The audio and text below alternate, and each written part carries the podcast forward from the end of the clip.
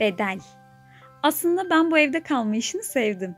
Karantina gözüyle bakmıyorum bu işe mesela. Çünkü yalnız kendi kendime yetebilmeyi seviyorum.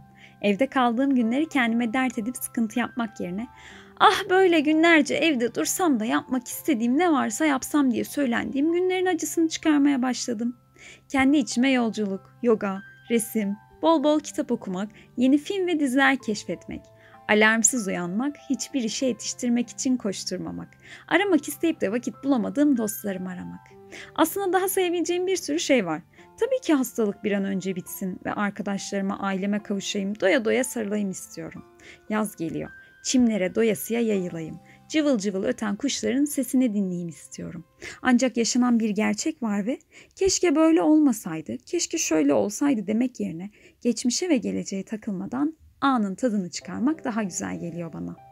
Çok zamandır istediğim ancak bir türlü vakit ayırıp yapamadığım yogayı daha profesyonel bir şekilde yapmaya başladım.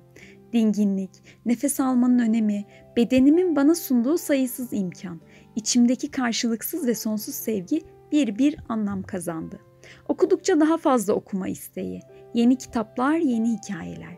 Ukulele çalmaya başladım mesela. Hala çok başındayım ama musmutlu hissediyorum buna vakit ayırabildiğim için.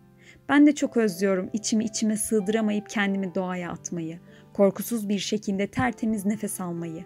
Ama bunların bile kıymetini kaybedince anlayabildiğimiz için şu an evde kalmak bana iyi geliyor. Evde kalma işi bolca şükretmeyi de öğretti böylece. Sahip olduğum şeylerin kıymetini bilmeyi, değerini idrak edemediğim zamanların değerini bilmeyi öğretti.